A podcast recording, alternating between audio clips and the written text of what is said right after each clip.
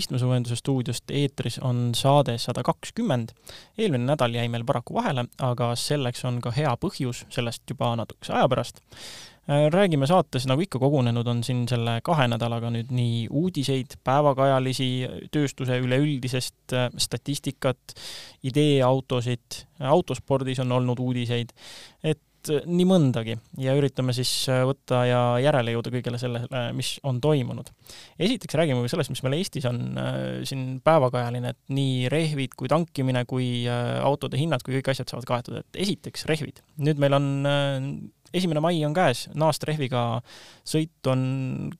keelatud. kell kukkus. jah, täpselt. et et äh, noh, siin muidugi on see klausel, et jah, et kui ilmaolud ja mis iganes, kui siin on ekstreemsused ja kõik, et noh, siis justkui nagu võiks, aga ekstreemsus ütleme ei paista. tegelikult ei ole seda klauslit, et klausel ütleb, äh, võib esimesest oktoobrist kuni esimese maini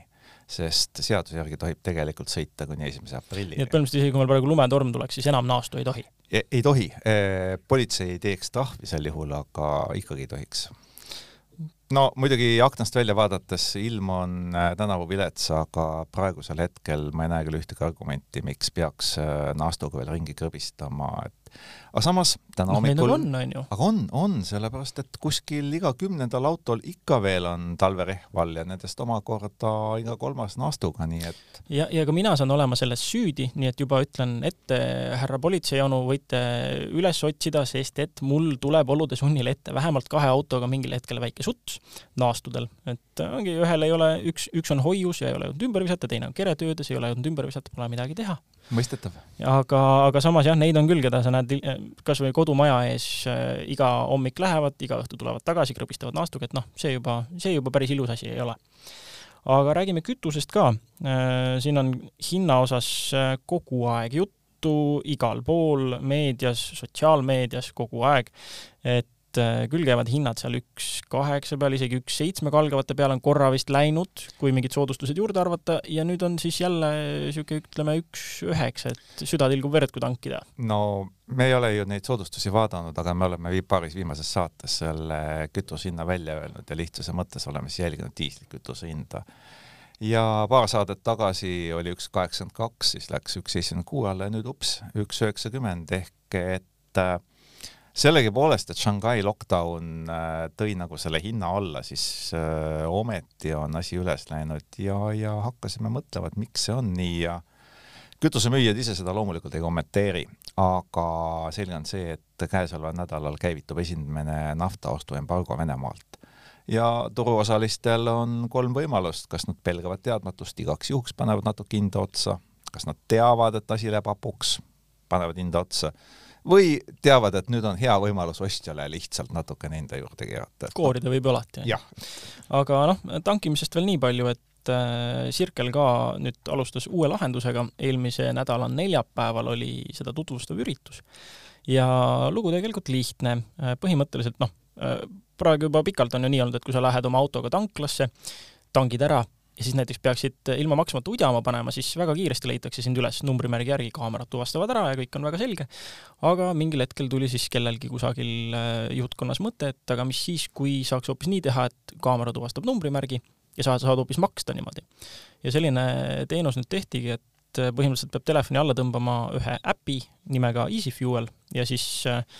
hoidma sees oma seda asukohateenust, kui sa parasjagu tankima tahad minna, või siis käivitama selle äpi ja muud ei olegi, kui veered oma autoga kohale, kaamera tuvastab numbrimärgi, äpp tuvastab, et sa oled selles tanklas, kus numbrimärk tuvastati, ja siis sulle tehakse pump ilusti lahti ja tangi ainult, et sa pead põhimõtteliselt maksevahendi mobiiliga ühendama ja ideeliselt selline,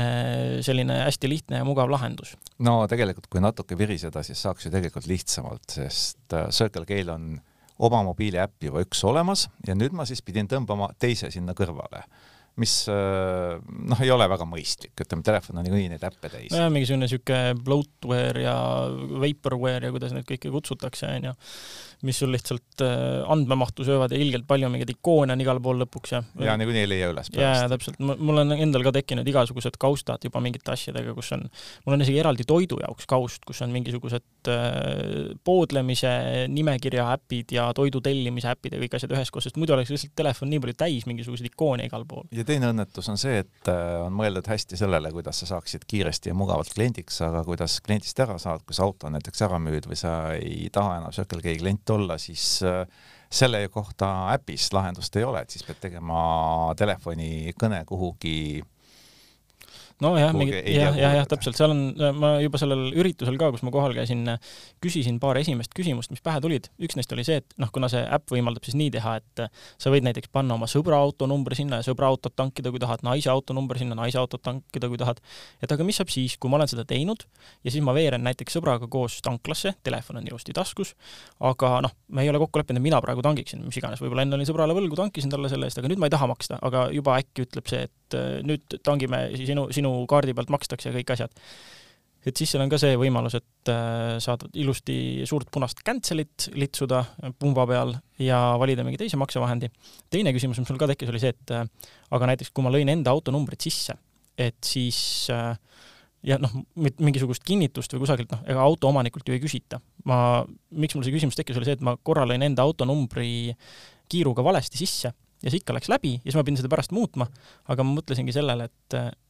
äh, mis äh, siis äh, kui ma näen tänaval mingit suvalist autot, ma löön selle numbri sinna sisse, omanikult mingit kinnitust ei küsita, äh, noh, nüüd täiendava infona veel, et sinna iga auto kohta siis äh, iga autonumbri saab panna ühe korra sinna äppi. see tähendab, see ei saa olla sul mitme äpiga seotud, sul ei saa olla näiteks äh, pere ainuke auto ei saa olla nii mehe kui naise telefonis näiteks aga ühes telefonis mitu autot võib olla? jah, täpselt, aga ja ongi, et see üks auto saab olla seotud ühe äpiga, et ma justkui saaksin lukustada kellegi suvalise autoomaniku äh, autonumbri sellega, et ma panen selle iseenda äppi sisse lihtsalt suvaliselt. ma ei tea, kas seal limiit on, ma ei hakanud proovima. nagu igasugused playtesterid ja muud äh, IT-inimesed teavad, et noh, esimene küsimus, is there a limit? et ja. ma seda proovima ei hakanud päris, aga noh, selle peale ka öeldi, et jah, et siis see auto omanik kui tal ilmneb probleem, et siis ta peab helistama ise sinna klienditeenindusse, see tehakse nagu kiiresti korda. ma ei tea, kui kiiresti see reaalselt siis muidugi käib. et aga, ebamugavusi põhjustab kindlasti. aga kui sa nüüd päriselt tankimas käisid, et äh, kuidas siis nagu noh, mis oli kliendi kogemus? kas kõik sujus või? kusjuures huvitav ongi see, et ma kaks korda nüüd olen tankinud sellega. Äh, esimene kord siis seal üritusel ja kõik toimis nii, nagu peab, nii nagu nad lubasid, ma ühendasin oma maksevahendi no,, noh, tirisin äpi, on ju, ühendasin maksevahendi, mingi viis minutit läks umbes, lõin autonumbri sisse, veeresin autoga sinna ette, äh, võtsin telefoni kätte, tegin selle äpi lahti, sest noh, mulle ei meeldi hoida sees seda sätungit, et äh, äpid pääsevad kogu aeg mu asukohale juurde, vaid ma teen seda, et asukohale pääseb juurde ainult siis, kui ma seda äppi kasutan mm. -hmm. ja oligi, võetasin äpi lahti ja siis ta juba kohe ütles mulle, et nii, et äh, mobiil, mobiilimakseks valmis ja oligi tankimine. nüüd teine kord kui ma proovisin seda, siis oli natuke selle äpiga rohkem majandamist, et ma tegin ta lahti, siis ta küll nägi mu asukohta, Äh, ja midagi oli veel, aga mingisugune ootamine oli ja mul ei tulnud pumba peale seda kirja, et mobiilimakseks valmis. ja siis, kui ma panin äh, äpi kinni ja telefoni taskusse, siis mingil põhjusel just, just siis sel hetkel ilmus see, et nüüd tankimiseks valmis. eks see on seesama tüüpiline äppide viga, et tundub, et hästi mugav, aga kui sa võtad need sekundid kokku, mis sa kulutad iga hetk selle ootamise tagasi, need tunduvad jõle pikad ja jõle tüütud, et kaardi saab kiiremini taskust kätte ja jah, kusjuures äh, siin ma jagan ühte täiesti triviaalset elutarkust, mis ma olen märganud, kui kaardiga tankida automaattanklas, siis äh, kuidas hoida aastas kokku mingit väärtuslikku, see oli päris korralik kogus minuteid, kas mingi kümme või viisteist minutit, oleneb palju sa aastas tangid, põhimõtteliselt on see, et äh, sa võtad oma kaardi, kui sa autost välja tuled, suskad kaardi juba masinasse ja siis lähed, paned äh, püstoli alles paaki, sellepärast et see masin loeb sul mingisugune kümme sekundit ju seda, et loen kaarti, loen kaarti, ja kui sa õige ajastusega seda teed, siis sa teedki nii, et sa paned kaardi sisse, püstoli sisse ja kui sa tagasi pumba juures oled, siis, või selle paganama kaardi ava juures, siis sa saad PIN-koodi täpselt sisse lüüa. et tõesti, aastas hoiab niimoodi väärtuslikke minuteid kokku, millega saab midagi tarka teha, näiteks magada. absoluutselt nüüd liigume aga edasi nädala börsiuudise juurde. juba eelmised kaks saadet me oleme rääkinud äh, Elon Muskist ja ega siis kolmandata see ometi ei jää. et suur Twitteri omandaja ja muidu maailma rikkaim mees onu Elon äh, siis teeb jälle tegusid no lõpetaks selle Twitteri saaga nüüd ära, et jah, tema rahastamisskeemist võiks nüüd terve saate täis rääkida, eks aega puudu ka, aga hästi lühidalt siis tegu on sellise suure konsortsiumiga, mida juhib väga nimekas Ameerika pank nagu Morgan Stanley ja tema siis juhib omakorda tervet kaheteistkümnest pangast koosnevat konsortsiumit, kes kõik tegelevad ainult onu Eloni rahastamisega ajalooliselt kõige suurem laen muide eraisikule, nii palju ei ole kunagi kellelegi antud. mis summas siis umbes? Äh, pisut, tähendab see kogu see konsortsiumi maht, mida Elon ise võtab, on kaksteist miljardit. aga eraisikuna ühe panga kaupa on see umbes kaks, noh, kaks pluss, eks ole. ja, ja noh,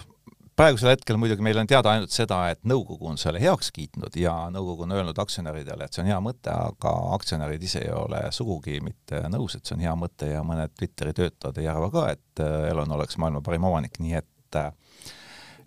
praegusel hetkel on veel päris palju lahtist, riik peab kandma heakskiidu sellele ja aktsionärid peavad siis olema nõus ka müügiga, et kui ikka suuraktsionärid nagu jonnima hakkavad, siis võib see plaan vastu taevast minna aga elu on näidanud, et, et maskiga ei ole mõtet jonnida, et tulemus on teada. ja mis on muide vahva, on see, et irvhambad on juba leiutanud äh, uue rahaühiku, mis on siis üks Twitter ja noh, näiteks Jaapan teatas, et äh, nad teevad viiekümne miljardi dollari väärtuses toetusprogrammi riigi poolt, noh ehk ühe Twitteri jagu, et siis tulevikus teada. muidugi Eestis on see natukene suur summa, et noh, ütleme niimoodi, et Eesti riigieelarve on umbes kolmandik Twitterit, et me siis teame, millest me räägime. jah, et ka, ka järgnevates saadetes võib-olla võib see rahaühik vahepeal läbi käia, siis on vähemasti teada, umbes viiskümmend miljardit dollarit. Äh, nüüd on Tesla muidugi majandustulemuste osas äh, ka jälle kord uus, uut infot natukene. jah, et nad tootsid siis esimeses kvartalis kolmsada viis tuhat nelisada seitse sõidukit, analüütikud ootasid kolmsada üksteist kopikat, aga et isegi ime natukene vähem kui taheti ja ka teenis aktsia kohta kasumit kolm koma kakskümmend kaks dollarit ja oodata ainult kaks koma kolmkümmend üks, et mida see näitab, see näitab seda, et ettevõte suudab teha ideaalselt ühte asja. Nad on, suudavad toota ja nad on suutnud kõik sisendid tõusud tarbija kaela veeretada, ehk vaikselt tõstavad hinda ja tulemusena kasumlikkus ei kannata. Ja mis teine aspekt, millest äh, Elon kõva häälega ei räägi, on see, et äh, CO2 krediidi müük käib väga jõuliselt ja tulevikus ilmselt veelgi jõulisemalt, nii et sealt tuleb oma kopikas kogu aeg juurde. aga noh, onu Elon on muidugi tuntud ka oma lubaduste poolest, et äh, tulemuste esitlusel ta rääkis robotaksist, mis peaks olema juba vägagi isejuhtimisele lähedal platvorm, et noh, tuletame meelde, isejuhtimise tasemed on kuus nullist viieni ja viis on siis see, kus juht ei pea midagi tegema, on ju, noh, neli on juba peaaegu, noh, neli on ka see, mis juba vabastab juhi tegelikult vastutusest. et selle robotaksi kohta öeldakse, et see võiks siis olla neljanda või isegi viienda taseme autonoomsusega, aga noh, jällegi, Elani lubadused, millal see tulema peaks, mis ta lubas? kaks tuhat kakskümmend neli. juba? see on ülejärgmine aasta, see on kahe aasta pärast ehm, No ei ole muidugi mõtet muretseda, sest Elon on seda lubanud juba kahe tuhande kuueteistkümnendast aastast saadik ja, ja see on piiratud beeta testimises ka kuueteistkümnendast aastast saadik ja kasutajad teatavad vigadest ja tänavale neid loomulikult möllama ei lasta. Ja noh äh,, Elon lubas ka veel seda, et CyberDoc tuleb kindlasti kaks tuhat kakskümmend kolm, mis on juba järgmine aasta kui palju kordi seda on edasi lükatud, seda jällegi ei, ei ilmselt vähem lugenud. kui robotaksid, sest see on lihtsalt uuem idee, et seda jõuab veel aga no põhiline küsimus on see, et kui kahe tuhande kuueteistkümnendast aastast on Elon robotaksid lubanud, kas ta on lubanud, et see tuleb kaks tuhat kakskümmend neli kogu aeg või on see olnud jooksev aasta, nagu niisugune lippav aasta? no see on ikka isegi jooksev aasta mm, -hmm. tead, mhm. natukene sujuvalt, no elame-näeme ja no vabandage meid, kui me oleme natuke pessimistlikud ja väga ei usu neid äh, lubadusi, aga Neid lubadusi oleme enne kuulnud, mõned neist on tõeks osutunud, enamik neist ei ole tõeks osutunud või on osutunud natukene hiljem. jah, no siin üks uudistest veel või õigemini lubadustest siis oli see, et äh, see full self-driving, mis ka on äh, kui ma, kui minu info nüüd õige on, siis ikka veel tegelikult beeta versioonis, siis äh, selle tehnoloogiaga lubab Elon, et saavad Tesla omanikud raha teenima hakata, kui, äh, kui neil autot ei ole tarvis kasutada. loomulikult, sa lähed tööle, auto jääb maja ette, ütled autole, et mine nagu kratt, eks ole, et mine teeni peremehele raha vahepeal. auto käib, teenib raha, tuleb tagasi. väga hea paralleel, moodne paralleel kratile muidugi. aga Eloni ja Tesla uudiste juurest äh, tuleme autospordi juurde hoopis. Äh, üks uudis Eestist, teine välismaalt. Äh, nimelt laupäeval toimus Piibe maanteel ja Varu lennuväljal meie siis ütleme autospordi hooaega avav üritus Avalaks kaks tuhat kakskümmend kaks ja seal ühendati nii drag-võidusõit kui driftisõit, et sellised show aspektid publikule. ühtlasi ka oli näha päris kenasti tuunitud autosid, väikest viisi autonäitust selle kõrval. jah, kiirendati seal nii ka mootorratastega muuhulgas,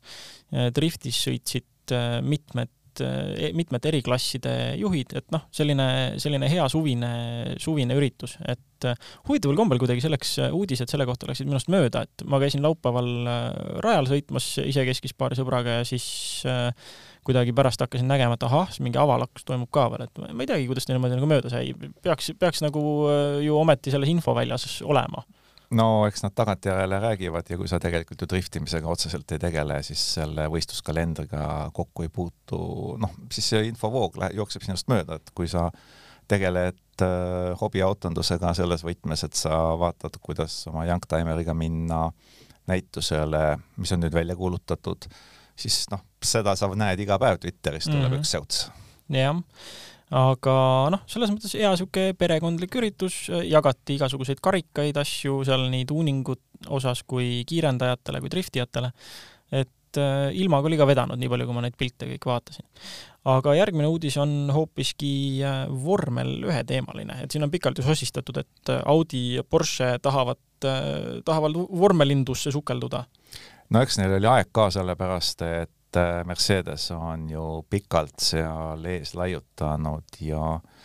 noh, kuidagi ei mahu ju hinge suurel kolmikul, millel siis Porsche neljandana ka veel kallima otsa autodest äh, juures on, et äh, Mercedes on kõige kuninglikumas võidusõidusarjas ja nemad mitte ei ole. ja eile siis Herbert Tiis ütleski, et nii Audi kui Porsche liituvad, nad äh, peavad veenma küll enne tõepoolest äh, aktsionäre ja nõukogu, et see on majanduslikult kasulik, aga Tiis on ise veendunud, et küll ta oma kolleegid ära veenab ja noh, äh, praegusel hetkel on Porsche natukene kaugemal selle asjaga kui Audi ja noh, selge on ka see, et muidugi kumbki üksi sinna tegelikult sarja päris nullist ei lähe, et Audil on praegu selline kaval mõte, et nad on valmis viissada miljonit eurot pakkuma McLareni eest. lihtsalt selleks, et äh, sinna sisse pääseda, aga Porsche kavatseb siis lüüa kampa Red Bulliga, noh, küll mitte Red Bulli ilmselt ära osta, aga vähemalt pikaajalise partnerluse luua. et võib-olla siis saab ähm, üks järjekordne kaubamärk jälle Volkswageni gruppi juurde jah, ma juba kujutan ette, et äh, Herbert Jessi suureks argumendiks või ütleme, presentatsiooni avab äh, see, mida Audi suutis teha diiselaudide müügiga pärast seda, kui nad äh, Le Mans järjest kinni panid diiselvõidusõiduautoga, on ju, et noh, see on ikkagi, ma arvan, päris jõuline näide, mida kasutada, et ta kindlasti, kindlasti peatub sellel. jah, ja kusjuures enne sai ikka räägitud sellest, et Hiina turg on noh, teatavasti kõigi autotootjate jaoks kõige tähtsam turg ja seal olevat vormel üks äh, väga kõva müügiargument, kõvem isegi kui vanas maailmas. noh, nii et äh, ootame, ootame siis järgmiseid kinnitusuudiseid siin äh, lähiajal. aga liigume edasi nädala ideeauto juurde, mis on, ütleme, rubriigina võib-olla isegi nagu värske, et me oleme igasugustest ideeautodest küll rääkinud, aga ma arvan, võib, võib selle nimetada vist tõesti nädala ideeautoks, et eelmine või üle-eelmine saade me rääkisime Hyundai Ioniq kuuest mis ei ole isegi veel ametlikult väljas, aga juba räägitakse ka Ioniq seitsmest. jah, et see on täiesti natukene selline, tundub Hyundai poolt pisut etteruttav, et äh, kuus on esitlemata ja juba käib seitsme kallal sahistamine, aga no mida sa, Ink, teed, et äh, noh, tuleb ju kogu aeg uusi mudeleid pakkuda, aga kui nüüd asjast endast rääkida, see tundub nüüd esimesena tõesti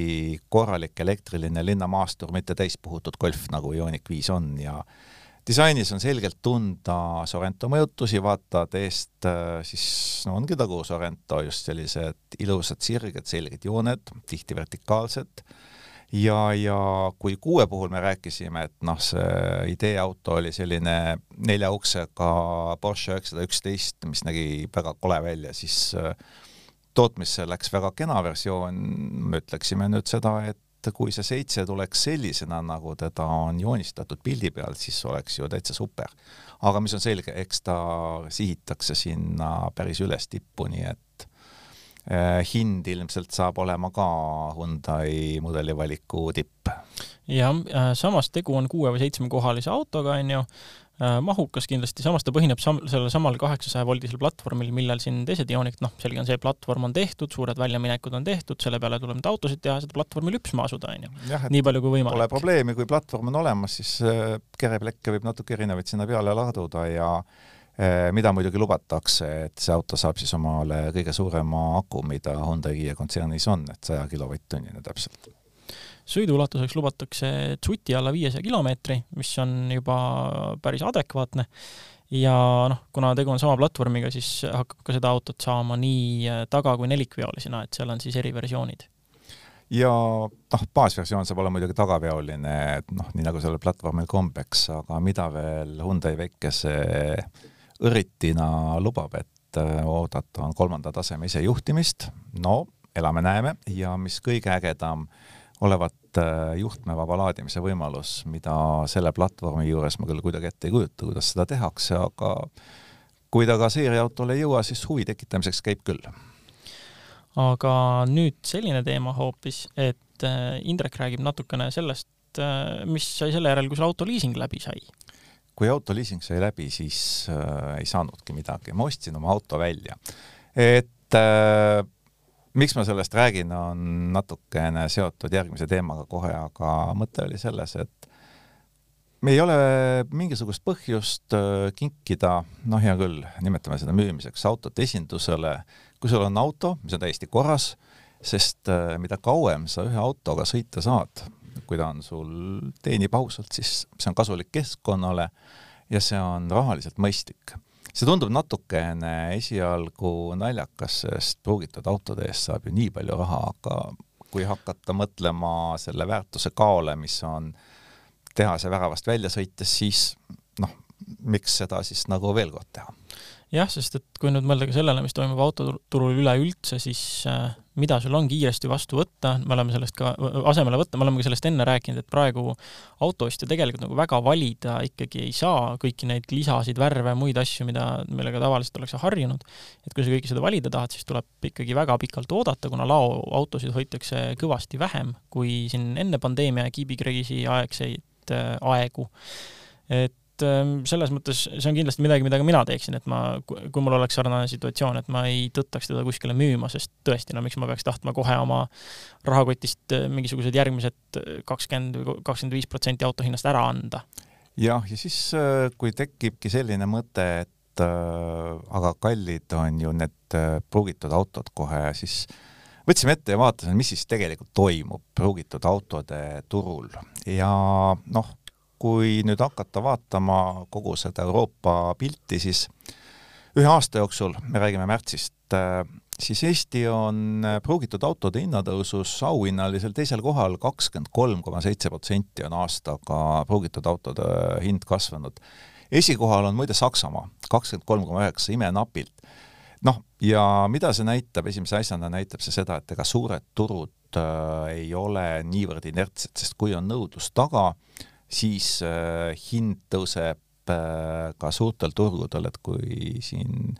tuua võib-olla paralleel, et kui kinnisvara on natuke inertsem nõudluse pakkumise puhul, siis autoturg tuleb väga kiiresti järele, kui ikka uusi autosid ei tule, siis lähevad autode hinnad üle ka suurtel turgudel. aga mis tuli huvitava faktina välja, on see, et äh, aastaga on Lätis pruugitud autode hinnad tõusnud ainult üheksa koma kuus protsenti meie siis kahekümne kolme koma seitsme vastu, et äh, tekkis niisugune tore mõte, et võib-olla on aeg hakata Lätis mitte ainult odavat alkoholi ja saldejumpsi ostma, vaid ka lausa pruugitud autode järel käima. nüüd aga jõuame selle juurde, miks meil jäi üldse eelmise nädala saade vahele. ja selle põhjuseks on see, et nädala proovisõiduauto on Renault Megane E-Tech ja Indrek käis seda Poolas proovimas sai sellega sõidetud umbes sada kilomeetrit kokku ja kevadine Poola tähendab umbes äh, sellist kaheteist, kolmeteist kraadist õhutemperatuuri, ilm oli ilus, päike paistis, ehk et äh, selline kena kevad äh, päris talvised tingimused ei olnud, aga päris suvised ka mitte, mis tegelikult võiks olla peaaegu ideaalsed elektriauto tarbeks. jah, siis igaks juhuks selguse huvides ütlen, et tegu täiselektrilise autoga, siin Renault teeb ka igasuguseid nii hübriide, pistikuid ja nüüd üha rohkem ka elektrit, nagu kõik teised. et ma küsin siis kohe seda, et et äh, selle auto disaini vaadates ta tundub suhteliselt selline julge liigutus Renault poolt, et ta ei ole nagu selline hall hiireke päris jah ja ei ühe korraga, sellepärast et kui vaadata disaini, siis jooned on küllaltki sirged, selged, selle poolest ta nagu selgelt eristub äh, Zwitskau konkurentidest äh,, Volkswagen ID3-st, ka ID4-st. et Äh, tegelikult ta näeb üsna harjumuspäraselt sõiduautolik välja, tal on alles sellised klassikalised lukkpära proportsioonid ja noh, tuled, nendega me oleme juba harjunud, et need on natukene, tänapäeval leidid võimaldavad ju mängida ja vigurdada nii palju kui tahta, aga pealt vaadates ta ei jäta kuigivõrd futuristlikku muljet, ta jätab sellise uue moodsa disainiga, aga siiski täiesti mõistliku sõiduauto mulje, mida julgeb endale osta ka inimene, kes ei taha väga silma paista. kuidas see sõitjate ruum on, kuidas on seal viibida, kuidas on erinevad äh, multimeedialahendused, mida siin äh, moodsate autode puhul me muudkui sarjanud oleme? multimeedialahenduse eest saab nüüd Renault kiita ja saab kiita seetõttu, et et äh, see on üks äh, esimesi autotootjaid, automudeleid üldse, seda ei ole kuigi lehelt, kes kasutavad opsüsteemina siis Android autot. ja Renault on suutnud selle kohe teha niimoodi, et ka kõik funktsionaalsus on olemas, et äh, meenutan, kui sõitsime paar nädalat tagasi Volvo XC40 Recharge'iga, kus on samamoodi Android auto, seal Waze lihtsalt puudus, öeldi, et kunagi tuleb, no tore on, võib-olla tänaseks on kohale jõudnud, aga Renault sellist asja ei tee, nendel on kõik, kogu funktsionaalsus koheselt olemas, nii et äh, selle kasutajaliidese eest saab ta küll täispunktid. mis siis, kuidas sees olla? Muidu, noh, juhiiste enam-vähem, võib-olla reguleerimisvõimalused äh,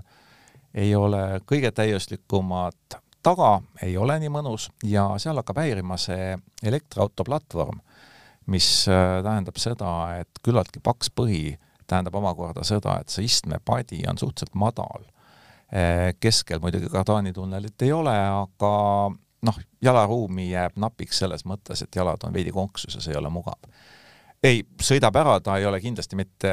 kaheistmeline auto, nagu mõned tegelikult reaalsuses on, aga sel-, ees on täitsa mõnus, taga mitte nii mõnus, ütleme siis nii. aga materjalid, kõik asjad? ei mõju midagi seal odavakoeliselt, odavalmiliselt? ei ole seda ega teist, materjalid tunduvad täiesti midagi karju silma, ütleme niimoodi, või midagi ei anna nagu sellist väga luksuslikku tunnet. noh, Poola teed ei ole väga palju paremad meie omadest, mõne koha pealt isegi kehvemad, et selles mõttes võib täitsa oodata, et kui see auto ükskord meile tuleb, siis me paneme ta munakivi testi ja ma arvan, et sealt tuleb üsna hea tulemus. Äh, nüüd ajamist, veoskeemist, äh, kuidas nendega on, palju üldse mingeid variante ja kombinatsioone pakutakse? Äh, kombinatsioone pakutakse neli tükki. Kaks akut, kaks mootorit, neid on siis omavahel kombineeritud. Nõrgem mootor, sada kolmkümmend hobujõudu ja seda siis kombineeritakse neljakümne kilovatise vaband-, vabandust, neljakümne kilovatt-tunnise akuga. Ja seda antakse siis kõige madalamas varustustasemes või siis keskmises ja on siis keskmises ja kõrgemas varustustasemes on kuuskümmend kilovatt-tundi aku ja kakssada kakskümmend hobujõuline mootor, nii et äh, noh, ütleme otse, et äh, neljakümnese akuga muidugi ei soovita kellelegi osta, sest selle jaoks, et sõita poodi ja tagasi, on see auto natuke kallis, aga pikemat maad sellega läbi ei sõida. Mille poolest äh, müts maha Renault ees, nad ei eksita klienti sellega, et räägivad brutomahtuvusest, nad räägivad ainult netomahtuvusest, sellest palju kasutada on et see nelikümmend on tõesti kliendile ka kättesaadav ja see kuuskümmend on ka kliendile kättesaadav. kusjuures seda ma olen varem ka neid andmeid lugedes mõelnud, et miks, mille kuradi pärast on vaja panna seda, mis see, mis see brutomahtus on, kellele see üldse kasulik teadmine on? no see kasulik teadmine on see, et äh, ilus number, suur number. ja, ja see on umbes nagu need äh, õhutakistustegurid, kust jäetakse täiesti välja see pinnalaotuse või siis jah, äh, pinnalaotuse pindala, mis on väga oluline selle õhutakistuse juures, aga noh, see selleks, see on äh, ühesõnaga turundusele hea, nagu ikka. aga kui me räägime hinnavahemikest, mis need on? hinnad hakkavadki kolmekümne viiest äh, üheksasajast pihta, siis on siis äh, väiksema akuga ja veidikene siis kõrgemal tasemel on ta kolmkümmend kaheksa, kakssada ehk. ja need on mõlemad noh, ütleme nii, et sellised üsna täpselt Cupra-Borni klassi hinnad aga keskmine ja kõrgem tase on siis nelikümmend kolm tuhat või nelikümmend viis pool tuhat, mis omakorda jooksevad natukene sellisest äh, isegi ID3-st üle, et äh, noh, ütleme täiesti asja eest, võib-olla akut on seal natuke vähem kui ID3-l, aga muidugi disain ja materjalide kvaliteet ja see on ikkagi selgelt ütleme otse parem, nii et selle eest väikese lisa võib maksta aga sõiduelamus? Äh, tavaline elektriauto sõiduelamus, ei midagi erilist, no kakssada kakskümmend hobujõudu läbi seljatoe ei vajuta, aga edasi liigub igati krapsakalt, selles mõttes midagi nagu halba, head öelda ei ole, noh, proovida nüüd sellist äh, väga kurvilist teed ei õnnestunud, äh, mida võiks pigem ette heita, ta vaidlesime seal teiste proovisõitjatega, kes arvasid, et mõnes režiimis on asi parem, sõitsime kogu aeg ainult sportrežiimis, et nagu veidikene seda tunnet kätte saada. rooli tunnetus jääb kuidagi noh, ütleme ebamääraseks, ehk et see radastes toimuv, see, mis jõuab äh, roolini, on üsna noh, ta ei ole mitte selline pehme, mis hakkab nagu käest ära minema, aga ta on kuidagi kunstlik et sul sellist äh, vahetut äh, tunnetust jääb natukene väheks. Noh, mis on ka lõppkokkuvõttes ootuspärane sellise auto puhul. aga noh, äh, vedrustuse osas ei ole midagi välja tuua ei ole, pigem, pigem jäigemapoolne, sellist mm -hmm. pehmet Renault-laadset mingit prantslaslikkust, millest nagu ollakse harjunud rääkima, ei, ei, seda meil ei ole. täiesti tavaline konkreetse vedrustusega auto aga siis pikema jutu jätame pikema proovisõidu tarbeks, mis tuleb kunagi hiljem, räägime siis kindlasti sellest munakividestist. jah, sest lubatakse esimesi autosid Eestisse septembri teises pooles, et noh, tellida saab praegu, aga esimesed õnnelikud saavad siis tõenäoliselt oktoobris kätte, et sinna ilmselt siis ka jääb meie veidikene pikem test. noh, nii et täpselt jõuavadki kõik kuulajad-lugejad ära unustada, et selline auto oli meil räägitud ja siis saavad selle juurde tagasi tulla. aga selle nädala saatesse mahub lõpetuseks ära ka nädala auto mõte, mille me üle-eelmisest saatest ära jätsime, sest et aeg pitsitas. aga see auto mõte puudutab rehve ja täpsemalt rehvirõhku. et äh, liikluspolitsei äh,, liiklusjärelevalve keskus moodsa nimega, ütles siis äh, mõned nädalad tagasi, et kümme protsenti normist väiksem rehvirõhk lisab kaks protsenti kütusekulule, mis on absoluutselt õige ja lisaks nad ütlesid, et mõni rehvitootja soovitab hoida veeretakistuse vähendamiseks rehvirõhku sõiduki soovituslikkust null koma kolm kuni null koma viis baari suuremana. et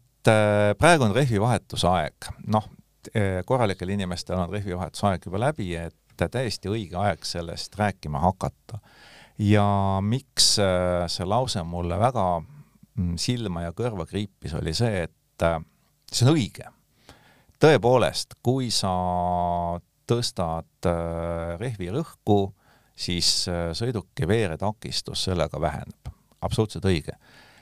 Aga ärge jumala eest niimoodi tehke, sest Äh, rehvitootjale see soovitus väga meeldib, tema saab teile kaks korda kiiremini uue paari rehve müüa, sest äh, autotootja on sellele autole rehve paigaldades ette näinud täpselt rehvirõhu ja seda on mõistlik hoida. kui te hakkate sellega eksperimenteerima, tõstate selle kõrgemaks, hoiate kokku võib-olla aastas paar liitrit kütust, aga teie rehvid kuluvad nagu väga-väga kiiresti. sest nad hakkavad kuluma ebaühtlaselt jah, see ebaühtlane kulumine on üks asi. seda teemat äh, lugedes ja ette valmistades ma pidasin äh, nõu ka sõbra inseneriga, kes on mulle siin kogu selle rehvi teadus, noh, see on, see on täiesti teadusharu tegelikult, siin ei ole võimalik seda kuigi kiiresti kokku võtta üldsegi. aga on ka teine aspekt, mis, äh, mis mõjutab seda kiiremat kulumist. Ja siin on paar põhitõde, mis on väga kähku lahti seletada. Äh, esiteks ma küsin sellise küsimuse, mida ma olen küsinud paljudelt teadjatelt, täiesti noh, teadjatelt auto, autoalastelt äh,, autoalaselt teadjatelt inimestelt ja kes sellega alatihti pange panevad, on see, et kui sa küsid neilt, mis, mis hakkab rehv tegema siis, kui sa paned sisse ettenähtust väiksema rõhu ja siis temaga sõidad. mis, kuidas mõjutab tema temperatuur ja kulumine? See on konksuga küsimus, nagu ma ilmselt juba su näost näen, et äh, aga ma üritan seda mm, vastata siis äh, mitmest aspektist. see sõltub äh, väga mitmest asjaolust, see sõltub sellest äh,, kui kiiresti sa sõidad, kui pikki vahemaid sa sõidad ja mis on äh, temperatuur, milles sa sõidad? jah, aga ütleme, äh, teeme selle hästi lihtsaks, otsekoheseks selle küsimuse äh, täiesti ideaaltingimused, mis tootja on ette näinud, selles mõttes äh, temperatuur, ideaalne kiirus äh, lubatu piires, mis iganes, sest lõppkokkuvõttes on see, et need põhimõtted äh,, need lihtsalt äh, äh, kiir-, kõigi nende märg-, märgitud faktoritega need äh, akumuleeruvad, need hakkavad kasvama üha rohkem, on ju. võtame hästi lihtsalt siis, ütleme nii, et äh, kui sa sõidad talvel viis kilomeetrit äh, kodunt äh, tööle ja tagasi, siis ei juhtu mitte midagi muud, kui kütusekulu on natukene suurem et äh, kui sa lähed sellega kiirteele ja olgugi väljas äh, tõesti normaalne temperatuur ja sa sõidad sellega lubatud kiirusega, mis tähendab kiiresti, siis äh, see rehvi vaatamata sellele, et seal on rõhk väiksem, tema veeretakistuse tõttu hakkab seal temperatuur hoopis tõusma mingi aja pärast. Ja rehvi rõhk muutub suuremaks, kui seal algselt üldse oli, nii et sa saad oodatule täiesti vastupidise tulemuse ja vot siin ongi see, kus on see konks tegelikult, sellepärast et äh, rehvi segu puhul, nüüd kui sa, noh, veeretakistus, õige, veeretakistus kasvab, kui sa langetad seda rõhku, aga just temperatuuri osas, kõik mingil põhjusel eeldavad, et temperatuur hakkab hullult kasvama äh,. tegelikult see nii ei ole, ülekuumenemine juhtub palju kergemini siis, kui rehvis on ülerõhk. sellepärast, et äh, rehv, noh, ühesõnaga füüsikast juba, jäigad kehad lähevad kiiremini soojaks, mida suurem on jäikus, seda suurem on pinnaühikule mõjuv jõud, seda suurem omakorda on äh, hõõrdumine ja see on see, mis tempi kasvatab. et äh, insener seletas seda mulle lahti niimoodi, et see on põhimõtteliselt, äh, see soojus ongi ju molekulide liikumisest tulev energia ja sellises jäigas kehas lihtsalt need molekulid hakkavad palju kiiremini võnkuma omavahel ja see temp läheb, temp läheb kiiremini üles et tal on täiesti, noh, meil on täiesti praktiline näide ka rajal sellest, et äh, mul, meil oli mõlemale probleem, mul ei läinud rehv soojaks, tal ei läinud rehv soojaks, tema lajatas sinna jõhkra ülerõhu sisse, mida ma ei oleks isegi mitte, noh, ma ei oleks isegi mõelnud, et panna sinna pool baari otsa, mina lasin hoopis rõhku vähemaks ja tema sai rehvil sooja sisse ja mina ei saanud. temal hakkas soojenema nii, nagu oli ette nähtud, et ühesõnaga see, et rehvi läheb, läheb jäigemaks selle ülerõhuga äh,, tähendab ka seda, et ta kuumeneb tegelikult rohkem. ja lõppkokkuvõttes rehvisegu puhul ongi temperatuur kuningas. See on see, mille järgi rehvitootja annab ette oma soovituslikud rõhuvahemikud. üldiselt, kui rehvimudelit guugeldada, siis leiab äh, soovituslikud rõhuvahemikud vastavalt auto massile ja see rehvi segu temperatuur on ka see, mille põhjal autotootja annab vastavalt oma auto massile ette soovituslikud rõhuvahemikud, mis tavaliselt siis B-piilarile lüüakse. eesmärgiga siis, et selle auto all kasutatavad rehvid normaalkasutuse juures see segu saaks optimaaltemperatuurini, et tagada kõik lubatud omadused siis äh, kulumisest äh, pidamiseni. kokkuvõttes on see rehvi segu temperatuur, mis on selle rõhu määrajaks ja nüüd, kui sa lajatad sinna selle ülerõhu sisse, siis lisaks sellele, et see kulub ebaühtlasemalt, sest et sul on see kontaktpind, on teise kujuga ja ütleme nagu rohkem paisunud ja kitsam, juhtub ka see, et äh, ta hakkabki sul äh, minema kuumemaks kui ette nähtud ja sealt tuleb omakorda veel see kiirem kulumine. ühesõnaga, kõike seda kokku võttes äh, igapäevakasutuses kaks soovitust. esiteks, kui te olete oma ratastest rehvid ära vahetanud, siis kontrollige rehvi rõhku, sest töömees, kes seda tegi, võis seda unustada teha. ja teine, kui te olete veendunud, et ta rehvi rõhu sisse pani, siis kontrollige, et see vastab tehase poolt ettenähtule ja sellega tagate te oma rehvide ühtlase kulumise ja kõige pikema kasutusaja ja tegelikult rohkemat ei olegi tarvis jah, sest et äh, igas valdkonnas on neid spetsialiste, just spetsialiste, ehk siis äh, see on üldiselt pets poe tagant, kes arvab, et ta kõigest kõige paremini teab ja tal on iga asja kohta midagi öelda ja nõu anda. et iga kord nende spetsialistide arvamusi ei pea kuulama. Selline oli meie saade seekord, järjekorra number sada kakskümmend, aitäh, et kuulasite! Kuulmiseni!